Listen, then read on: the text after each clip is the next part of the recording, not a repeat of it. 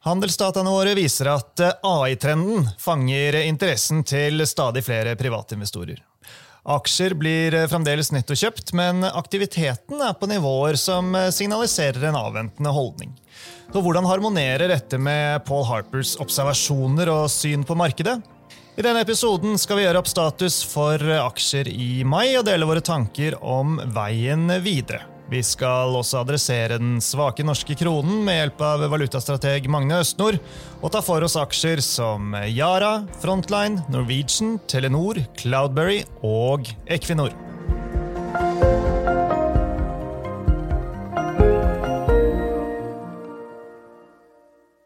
Velkommen til Utbytte, DNB-podkasten der vi forklarer hva som skjer i den globale økonomien og finansmarkedene. Jeg er Marius Brun Haugen, og med meg har jeg aksjestrateg Paul Harper. Hei, Paul. Hei, Marius. Når vi sitter her, er det fredag 2. juni. Klokken har passert ett. Og hvordan mai måned ble for aksjer, ja, det avhenger litt av hvem du spør. På indeksnivå så falt Oslo Børs tilbake med i overkant av 2% SMP 500 var flat, mens Nasdaq 100-indeksen, som har flere av disse store tech-gigantene, var opp nesten 8% Hvordan vil du oppsummere meg, Pål? Ja, som du sier, så var Det litt sånn at det er litt misvisende å se på, på SMP 500, fordi at du har dette innslaget av noen få veldig store selskap som egentlig har liksom forklart så å si hele oppgangen i amerikanske aksjer hittil i år. Det ble litt ned på alle de nordiske indeksene, nettopp fordi at vi har ikke noe tilsvarende sånne megacap tech-aksjer å skilte til. Du kan jo si at det, nærmeste vi har, da, sånne selskap som Schibsted for eksempel, var relativt bra. Nordic Semiconductor var bra. Tomra er kanskje å strekke den definisjonen litt, men det var også noenlunde greit. Så det var stort sett aksjer med relativt høy prising, men litt mer sånn kvalitetspreg over de som, som gjorde det best. Ja, og jeg har som vanlig sett på hvilke aksjer kundene kjøpte og solgte i måneden som gikk. De som altså handler aksjer via aksjehandelsløsningen i nettbanken til DNB. og AI-traden den stikker seg ut denne måneden i form av at vi ser i tallene at den brer om seg. Aksjer som Nvidia, Palantir, C3AI og Microsoft de var alle høyt på mest omsatte listen for de internasjonale aksjene. og Flere av disse aksjene opplevde jo en kraftig kursoppgang i mai. Palantir og C3 de doblet seg. Nvidia snakket vi om i forrige episode. Pål var oppe 25% etter tallene, som jo er ganske crazy i seg selv. Om denne AI-hypen er en boble, det får jo tiden vise. Men som du sier, altså, det har påvirket globale aksjer kraftig. Alle vil ha AI nå, og det skaper jo entusiasme i markedet. Da. Det må vi jo ta med oss. Ja, jeg sier Når du sier alle skal ha og det skaper entusiasme, så høres det ganske ut som en boble. egentlig. Og jeg tror mange av de som kjøper, er egentlig litt der at de tenker at ja, dette er en boble, men det har en god del mer å gå på før det eventuelt sprekker. Så er, Sånne type ting er jo alltid litt, litt skummelt da, når du liksom satser på at du skal være litt smartere enn den neste, og at det er noen andre å selge til før det eventuelt smeller. For timing og sånne ting er jo alltid mye lettere sagt enn gjort. Det ser jo ikke så, så, vanskelig ut når du ser på historikken, men noe som vi må huske nå, er at alle disse forskjellige syklusene og miniboblene og, og hva det skulle være, ting skjer liksom fortere og fortere nå for hver gang som går. For man har mer historikk å se på. Man kjenner tilbake igjen at ja, det ligner litt på internettboblen, eller ligner litt på den grønne boblen vi hadde her for et, et par år siden. Så hvis jeg bare er rask nok, så kan jeg liksom fort doble pengene, og så kommer jeg ut igjen. Men mye av disse tingene har nå gått såpass mye at jeg syns det er vanskelig egentlig å, å egentlig vite hvor mye mer det kan gå. Det kan godt hende det går mye mer enn det har gjort allerede, men det kan heller ikke utelukke at hypen kanskje begynner å nærme seg et toppnivå om ikke altfor lenge. Ja, da, Det er bra du tar meg ned på jorda igjen, altså, Paul. Men altså, det må jo være lov da, etter sånn litt sånn tungt tidvis 2022 at uh, det er en liten tematikk og trend som uh, fenger interessen uh, der ute. Det er jo litt, det er litt gøy, da. Ja da, det er jo veldig, veldig lett å egentlig kunne se stort potensial rundt dette her. Så, og det er jo litt sånn, Når man tenker fra et aksjeperspektiv, det er altså alltid sånn, viktig å minne på at det, det, var ikke feil å tro at internett skulle bli noen, de som kjøpte internettaksjer på 90-tallet, men det fikk en ganske ubehagelig periode de første par årene etter at boblen sprakk. Så økonomien og aksjemarkedet er to forskjellige ting, og si, utvikling i forskjellige teknologi og, og enkeltaksjer er jo også to, to forskjellige ting. så du behøver ikke å være negativ til uh, kunstig intelligens til å mene at uh, man kanskje skal være litt forsiktig med kunstig intelligens-relaterte aksjer.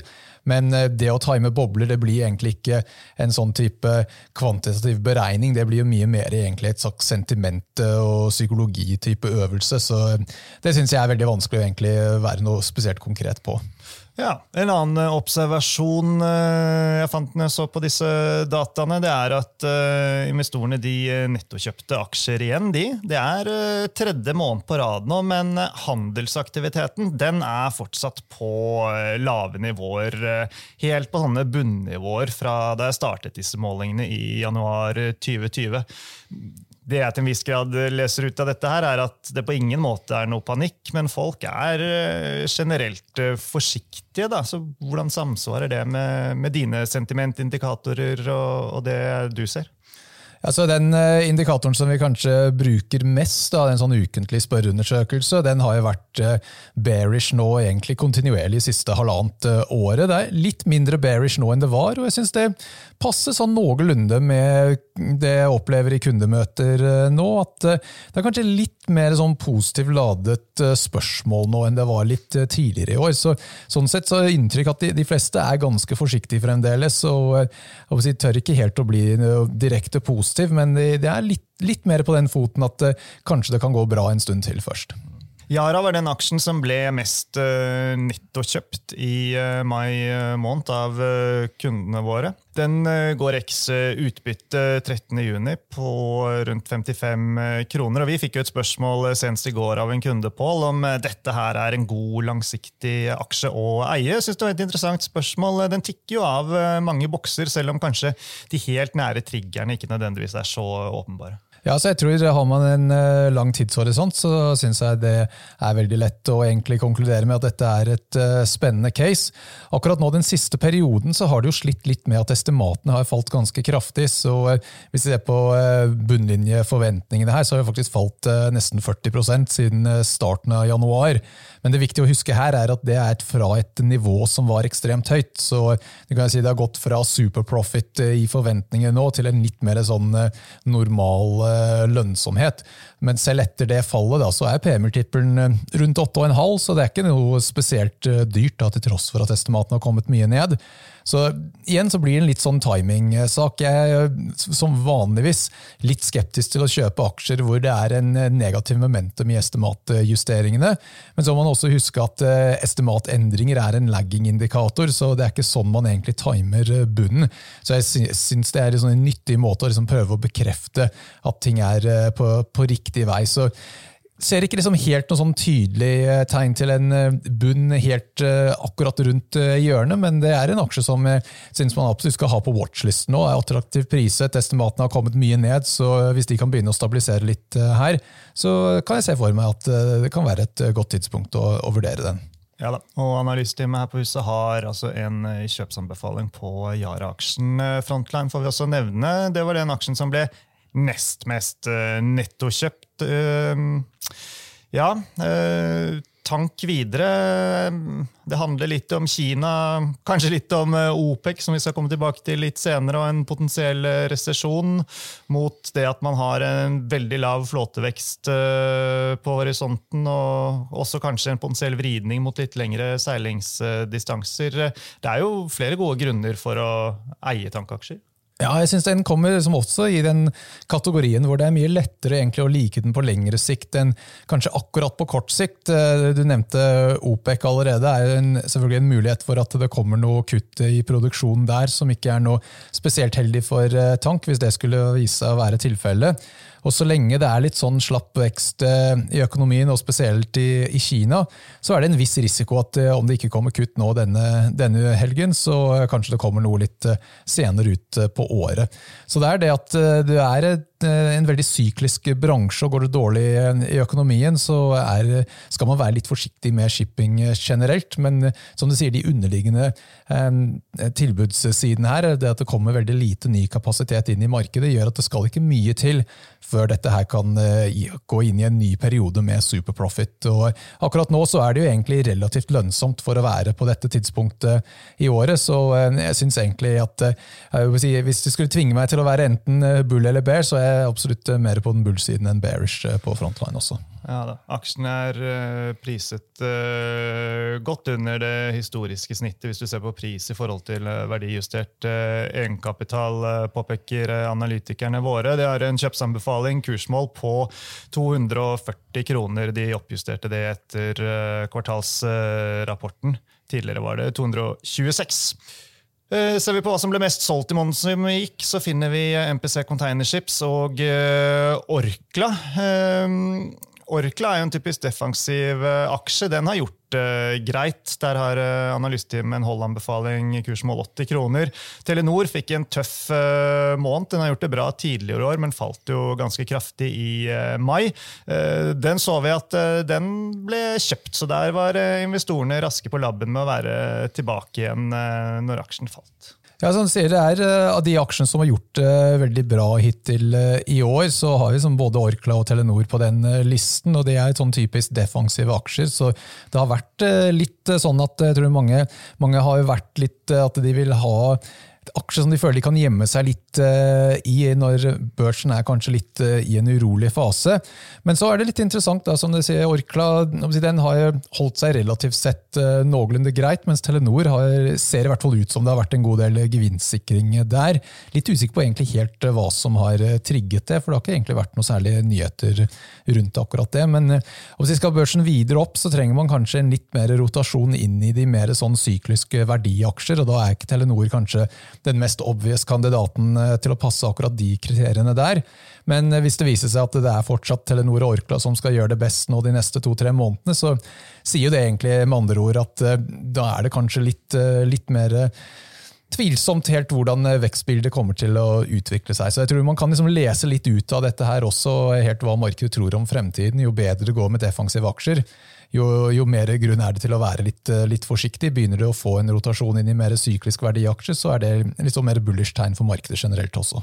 Mm. Og eh, Telenor, der har eh, analysttimen kjøpsanbefaling kursmål 155 kroner. Orkla, der er det hold og 80 kroner som gjelder.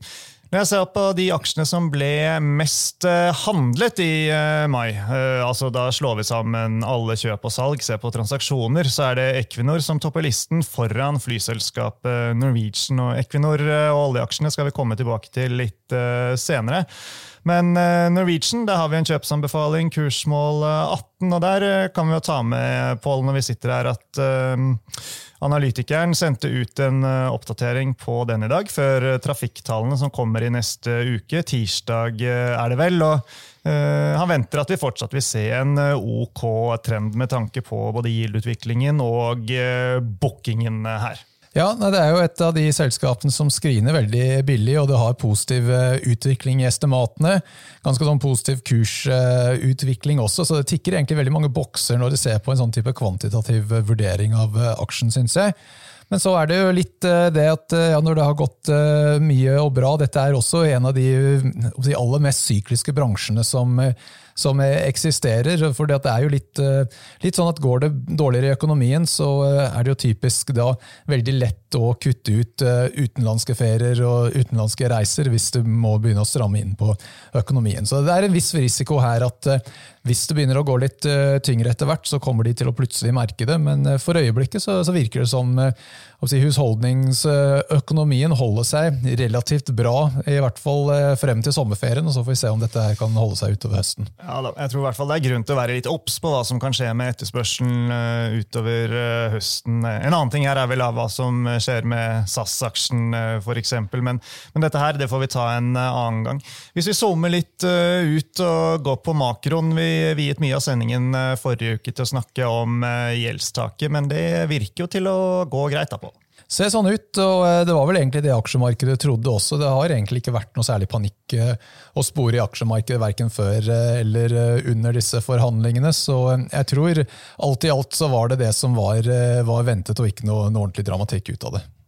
Forventningene til eh, industrisektoren om vi skal kalle det i USA, holder seg godt under nivået, eh, dette 50-nivået, som eh, er målingen på ISM-indeksen, som er skillet mellom avtagende og tiltakende økonomisk aktivitet, kom inn på 46,9 var det vel, for, for måneden. Etter at vi er ferdig med innspillingen i dag, så kommer den månedlige amerikanske jobbrapporten, som også blir viktig input for eh, Fed og renten, og dermed også aksjemarkedet på. Ja, det er eh, første uken i måneden som gjerne er da de aller viktigste makrotallene kommer. Som du sier, ISM-indeksen var omtrent som ventet, men det er litt slapt når det er på et nivå sånn eh, akkurat i underkant av 47, så det var ikke noe overraskelse. Det var omtrent som, som ventet. Og så er det jo spennende da hva som kommer i ettermiddag rundt payrolls-rapporten. Det kommer jo en ny Fed-møte nå i midten av juni. Forventninger til hva de skal gjøre der, har egentlig vært ganske volatile nå de siste ukene. Forventningene gikk fra null sannsynlighet til renteøkning til et nivå som var et godt stykke over 60% for bare noen dager siden, og nå har det falt litt tilbake igjen. Så markedet er veldig usikre hva utfallet kommer til å være der, og tallene i ettermiddag kommer nok til å være en, en viktig bidrag til vurderingen hva resultatet blir til slutt. Ja, og det er vel i hvert fall ikke umulig å argumentere for at uh, hvis Fed ikke hever renten uh, nå, så uh, er det fortsatt stor sannsynlighet for at de kommer til å gjøre det ved neste anledning igjen. Men alt avhenger vel av dataene. Det er vel også det de har signalisert. Ja, så Litt tidligere i dag så var det priset inn totalt 18 punkter med renteøkninger. da En renteøkning er 25 punkter, så med andre ord priser ikke inn full sannsynlighet for renteøkning verken i juni eller i juli. Da Litt tidligere i uken så var det prist inn litt over 100% sannsynlighet for renteøkning i en av de to møtene. Så det er eh, veldig sånn ustabilt eh, rundt helt eh, hvilken vei det skal lande. og Fed-medlemmene selv så virker det som det er litt splittelse der. Enkelte mener at det burde sette renten opp, andre mener at det er greit å ta en pause nå, og så får vi se litt hvordan flertallet lander. Vi får la rentene ligge i dag. Vi må ta kort om eh, oljeprisen også ligger rundt eh, 75 dollar fatet på frontkontrakten for eh, Nordsjøoljen når vi sitter her og gjør oss klar for helgen. men i helgen så er det OPEC-møte. det er vel søndag det skjer, men man vet jo aldri helt med disse OPEC-møtene. Og Så får vi se da, hva som kommer ut av dette her. forventningene i markedet, i hvert fall her på huset, det er vel at de kommer til å rulle det videre Dvs. Si fortsette med de kuttene som er annonsert, men ikke komme med noen nye. Men det er en viss usikkerhet i markedet. Ja, det, det er det absolutt. Så eh, Min eh, sånn subjective guess her er at det er kanskje sånn to tredjedels sannsynlighet for at det ikke blir noe endring, og en tredjedel at det kanskje blir eh, et kutt her. Så det er absolutt eh, innenfor mulighetene her at det, det kan komme noe kutt. Det som kanskje argumenterer litt imot det, er at det er ikke veldig ofte at de kutter sånn to måneder på rad. og det er også relativt De, de kuttene som de har annonsert nå, er ikke hatt tid til å egentlig sette seg ordentlig enda. Så, så, sånn sett så er det litt vanskelig for dem å egentlig se hvilken effekt de kuttene har. Så Det virker bl.a. som at Russland har gjort veldig lite i forhold til å redusere sin eh, produksjon. Så Det er kanskje god grunn til å mene at de kan gi det en måned til å se litt uh, hvordan eh, oljeprisen utvikler seg før de egentlig bestemmer seg, men det der uh, usikkerhet her. Russland har kanskje gitt noen signaler tidligere i, i, uken at det ikke skulle komme noe kutt, mens det var Saudi-minister som prøvde å varsle de som shorter olje, at de skal være veldig forsiktig og prøve å liksom kanskje hinte at det kan komme et kutt. Så det er fortsatt veldig åpent, eh, det her. Ja da. Og uh, Kina, var, det var du inne på. Uh, der har vi fått litt sånn svakhets... Eller i hvert fall tegn til litt slappe signaler, da. Og det, det, det hjelper vel verken oljeprisen eller råvarer generelt. Nei, så Vi har jo sett råvarer har vært uh, tungt uh, nå egentlig siden forholdsvis tidlig på året. Det var en del hype rundt uh, denne gjenåpning, men det har egentlig blitt en skuffelse. Det her. Det er mest innenfor tjenestesektoren hvor kinesisk økonomien vokser noenlunde greit, mens i mer den industridelen så er det litt tungt. Og Vi fikk tall tidligere i uken da tilsvarende den ISM-indeksen i, USA, PMI-tallet i Kina, som virker da at det er litt, litt tungt. Det er spesielt innenfor for noen av de, de store industrier, sånn tungindustri osv.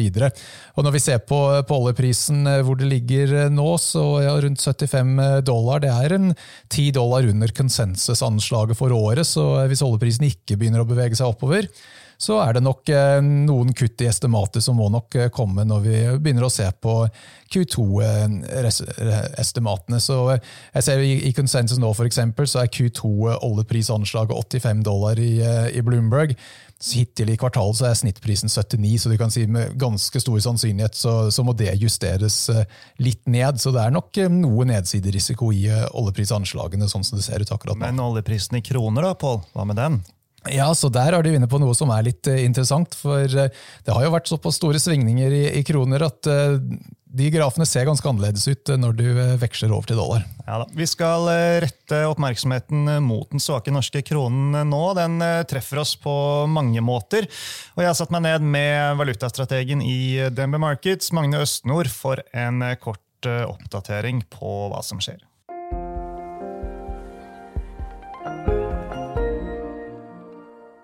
Den norske kronen fortsetter å være svak og fikk en eh, tøff start på uken da den handlet over 12 mot euro for første gang siden mars 2020. Eh, og Kronen den er eh, riktignok tilbake på 11-tallet mot euro når vi sitter her torsdag formiddag 1.6, Magne, men likevel, altså.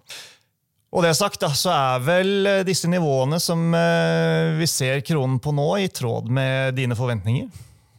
Ja, vi eh, trodde jo det. Og så skjedde det jo bare så veldig mye fortere enn det vi hadde lagt til grunn i, i, i våre prognoser. Men vi trodde jo sant, på kort sikt her, kanskje på en, på en korreksjon, at uh, driverne skulle balansere bedre nå, nå, frem mot sommeren. Men uh, Fasiten har vi vel ikke helt i hånd ennå, men turen over tolv den fikk vi, fikk vi ganske raskt. Men du, Kronsalgene til eh, Norges Bank eh, på vegne av staten de ble annonsert eh, i går, og de skal, ganske i tråd med hva konsensus vel forventet, justeres ned til 1,3 milliarder kroner per dag i juni, fra 1,4 milliarder i mai. Men litt mer sånn generelt på, på lengre sikt, altså, hvor, hvor mye har disse salgene å si for tilstanden til kronen? Ja, Det varierer, og det er jo det som eh, gjør dette litt eh, vanskelig. Og så skal jeg vel kanskje legge til at eh, nå i det siste så må vi i analytikerstanden kanskje ta litt av ansvaret for at usikkerheten er ekstra stor. For det er jo tilsynelatende veldig stort sprik i hva analytikerne mener er det riktige Norges Bank skal gjøre.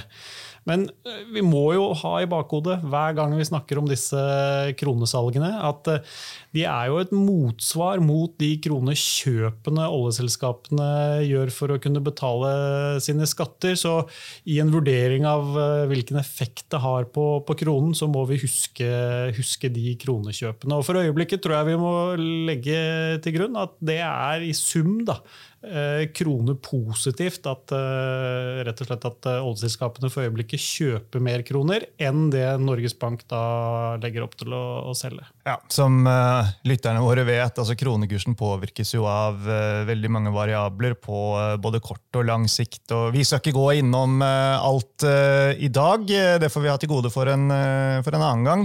Og det er ikke noe fasitsvar på det neste spørsmålet mitt, men du får allikevel bare prøve da, å være så kortfattet du kan her. Altså, Til hvilken grad er den svake kronen et resultat av strukturelle faktorer heller enn de sykliske? Altså de mer langsiktige heller enn de kalde kortsiktige? Ja, altså Siden nyttår så har vi jo hatt motvind fra begge, begge sider. De sykliske har definitivt talt for en svakere krone. Og så kan vi jo løfte blikket enda litt lenger tilbake i tid og si at vi har hatt kronesvekkelse jevnt og trutt i, i et tiår. Eh, og I det bildet så mener jo vi at de strukturelle faktorene har vært viktige. Og vi tror også at de vil fortsette å være viktige fremover. og Det er nettopp derfor vi har det anslaget vi har på 12 i, i euro-norske. Fordi vi mener at uh, norsk økonomi med et høyt uh, kostnadsnivå, med høy prisvekst over tid, uh, så trenger vi også en svak krone. Så det bare taler for at kronen skal holde seg svak over en lengre periode. Ja, jeg mener at den kronekursen vi har i dag, og da maler jeg med bred pensel, eh, den er ganske godt i tråd med situasjonen i økonomien. Vi ser ikke noen ubalanser eh, som skulle tilsi verken at den er veldig for svak, eller, eller motsatt absolutt på den sterke siden. Så i sum da er en så svak krone som vi har nå, eh, bra for Norge totalt sett? Altså Er fordelene større enn eh, ulempene? Det er jo alltid sånn at det er noen som eh, vil tjene på en, en svakere krone. Man tenker veldig fort på eksportrettet næringsliv, på turisme, men vi kan legge til staten i det bildet. For det er klart verdien på oljefondet det stiger med en eh, svakere krone og muliggjør ytterligere noe høyere pengebruk.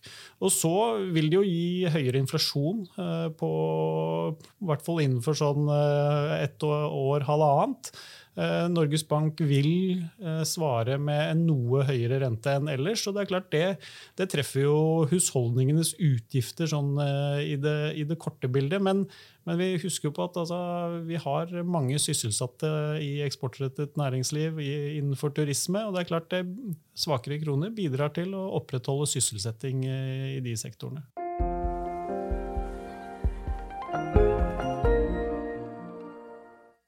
Ja, Pål. Eh, kronen den eh, treffer oss på så mange måter. Eh, det pekes på at kronefallet har økt risiko i norsk eiendom. Vi ser at investorer og forvaltere som allokerer porteføljer, klør seg i hodet rundt kronen om dagen. Så det påvirker aksjeinvestorer på godt og vondt på, på mange forskjellige måter.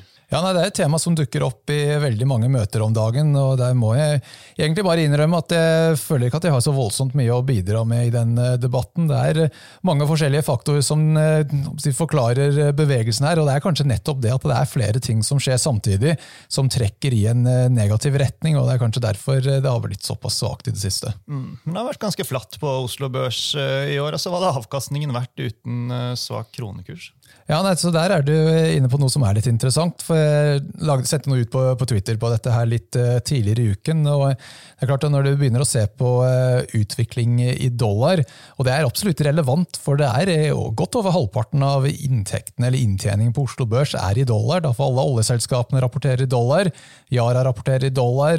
De råvareselskapene som ikke rapporterer i dollar, er jo egentlig dollarvirksomhet i stor grad. og Så kan du eventuelt legge til et par andre selskap selskap, Nordic Semi rapporterer i dollar. Så du, du begynner å nærme deg opp imot to tredjedeler eller 70 eh, nesten av inntektene på Oslo Børs er eh, i dollar. Og så har du i tillegg til det litt eh, i euro for sjømat. Så kroneeksponering er relativt begrenset.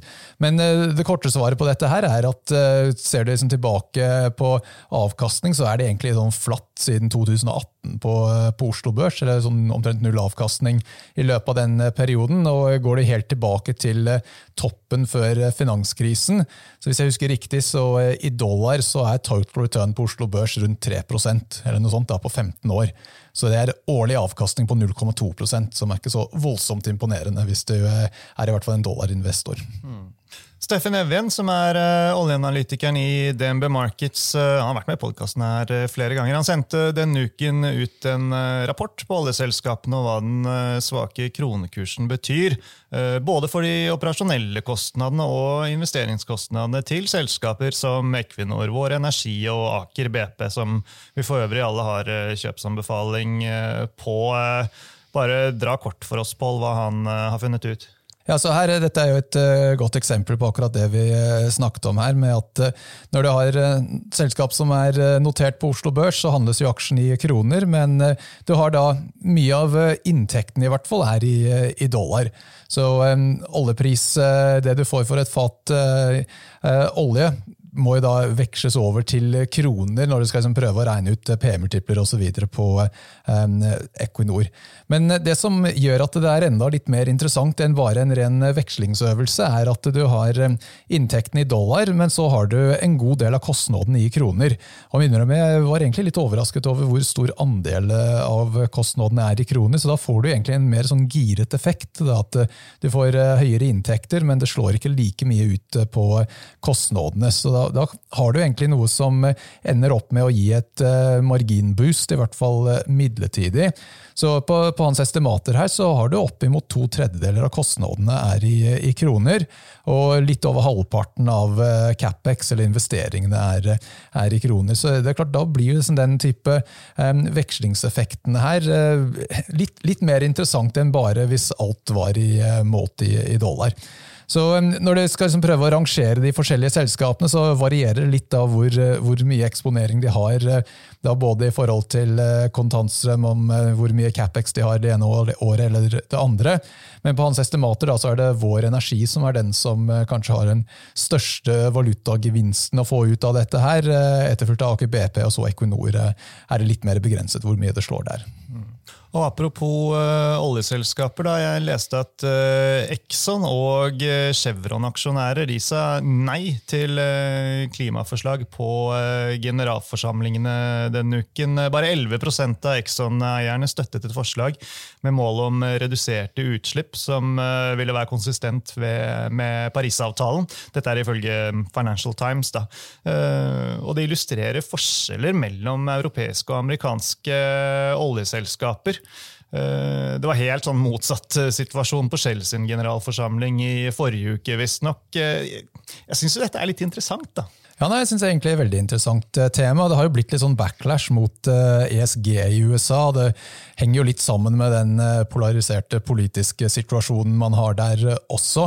Men det er klart, der har det liksom blitt eh, si, litt mer sånn at eh, det er ikke like lett å overbevise at eh, man skal nødvendigvis gjøre ting som kanskje ikke nødvendigvis er lønnsomme for selskapet, selv om det kan være positivt for miljøet totalt sett. Men jeg syns vi begynner å se noe tegn til dette her i Europa også. Vi har jo hatt alt denne debatten rundt havvind i Norge. Nå er det jo ikke sånn at alt som er grønt og miljøvennlig, bare blir godkjent uten at man begynner å se litt på kostnadene. Det har vært mye mer debatt nå, syns jeg, rundt til hvilken grad dette her egentlig er eh, lønnsomme investeringer og eh, det å sette kostnad opp mot nytte. Så jeg syns liksom en litt mer pragmatisk holdning til dette her er egentlig sunt. For hvis vi driver egentlig mest med symbolpolitikk, så er det klart da løser man egentlig ikke noe særlig problemer, samtidig som man da påfører massevis av, av utgifter. Så skal dette her funke i lengden, så, så, er det egentlig avhengig av at det er en, en rasjonell debatt som skjer her, og ikke bare det at man skal liksom godkjenne alt av symbolpolitikk uten at man egentlig finner frem kalkulatoren og, og regner på det. Og Når det gjelder uh, dette fornybare, da, så syns jeg vi får ta med at uh, analyseteamet her på har startet dekning av uh, Cloudberry denne uken, med kjøpsanbefaling og kursmål på 14 kroner og 50 øre. Og dette her det er en av de få fornybare energiselskapene som vi mener er attraktivt priset i forhold til verdien av den eksisterende forretningen. Så f.eks. Skatek og Ørstedt. De er eh, priset til et eh, stort eh, premium, mens her er altså prisingen mye mer attraktiv, peker analytikerne våre på. Men så er det også klart å ta med her at uh, oppsiden til uh, kursmålet er ikke veldig uh, stort. 12 kroner og 50 øre er aksjekursen til Cloudberry når vi sitter her. Så 14 kroner og 50 øre er det en ja, 15-16 opp til. Men sånn som det er om dagen, så tror jeg man må se på det meste av fornybart som et langsiktig investeringscase. Men vi får komme litt mer tilbake på Cloudberry etter hvert, Pål. Avslutningsvis, hvordan vil du oppsummere utsiktene for eh, aksjemarkedet frem mot eh, sommeren og høsten? Ja, nei, jeg syns det er veldig vanskelig nå egentlig uh, ha noe veldig sterk mening på situasjonen. For jeg synes som big picture her så er utfordringen at børsen er ikke noe billig nå, hvis du regner med det at rentene har kommet opp en del. og Det var nok si, hovedgrunnen til at markedet kom litt ned i mai. Estimatene gikk litt opp, mens rentene si, endte opp med å, å trumfe det med å øke enda litt mer, som trakk multiplene ned. Men man kan lage et sånn kortsiktig eh, bull case tror jeg, med at konsensus eh, sentiment er ganske bearish, så du trenger bare noen, noen, få positive overraskelser til at det er mange som er på feil fot. og Går det bra i økonomien en stund til, så kan man få en situasjon som ligner litt det man hadde på slutten av 60-tallet, hvor det ble en myk landing. Børsen fikk liksom en, en, ny runde opp før det da smalt igjen eh, i, i 1970. Så Det store problemet er at får man en myk landing, så ender man opp i en situasjon hvor du begynner den nye syklusen med sprengt kapasitet eh, allerede, så at da tar det ikke lange tiden før du får en ny runde med oppgang i, i lønningene, som da driver en eh, ny runde med inflasjon og, og renteoppgang. Så jeg tror så myk landing er egentlig bare å utsette en hard landing. Så før man egentlig har hatt en ordentlig hard landing, så, så, tror jeg ikke det er så lett å egentlig se for seg at det er mer enn en midlertidig boost eh, vi får ut av dette her. Men vi mangler egentlig noen sånn konkrete negative catalysts. Eh, tror estimatene skal litt ned herfra, men noen prosent ned på inntjeningsestimatet er ikke nok til å trigge noe krakk. Du trenger liksom noe i tillegg til, eh, til, det. Så mangler litt de triggerne. er ikke noen sånn veldig tydelige signaler fra high yield-spredden enda, som er en av de tingene jeg følger litt ekstra med på nå sent i, i syklusen. De går sånn mer sidelengs enn en noe annet. Så akkurat nå så eh, syns jeg man skal være litt forsiktig på, på, med sånne langsiktige investeringer, men på kort sikt da, så har jeg ikke noe sånn veldig sterk overbevisning, bortsett fra at jeg syns man skal være litt forsiktig nå. Det får bli uh, siste ordet for uh, i dag. Uh, tusen takk, Pål, for at du var med. oss sist, men ikke minst, tusen takk folkens til alle dere som hørte på.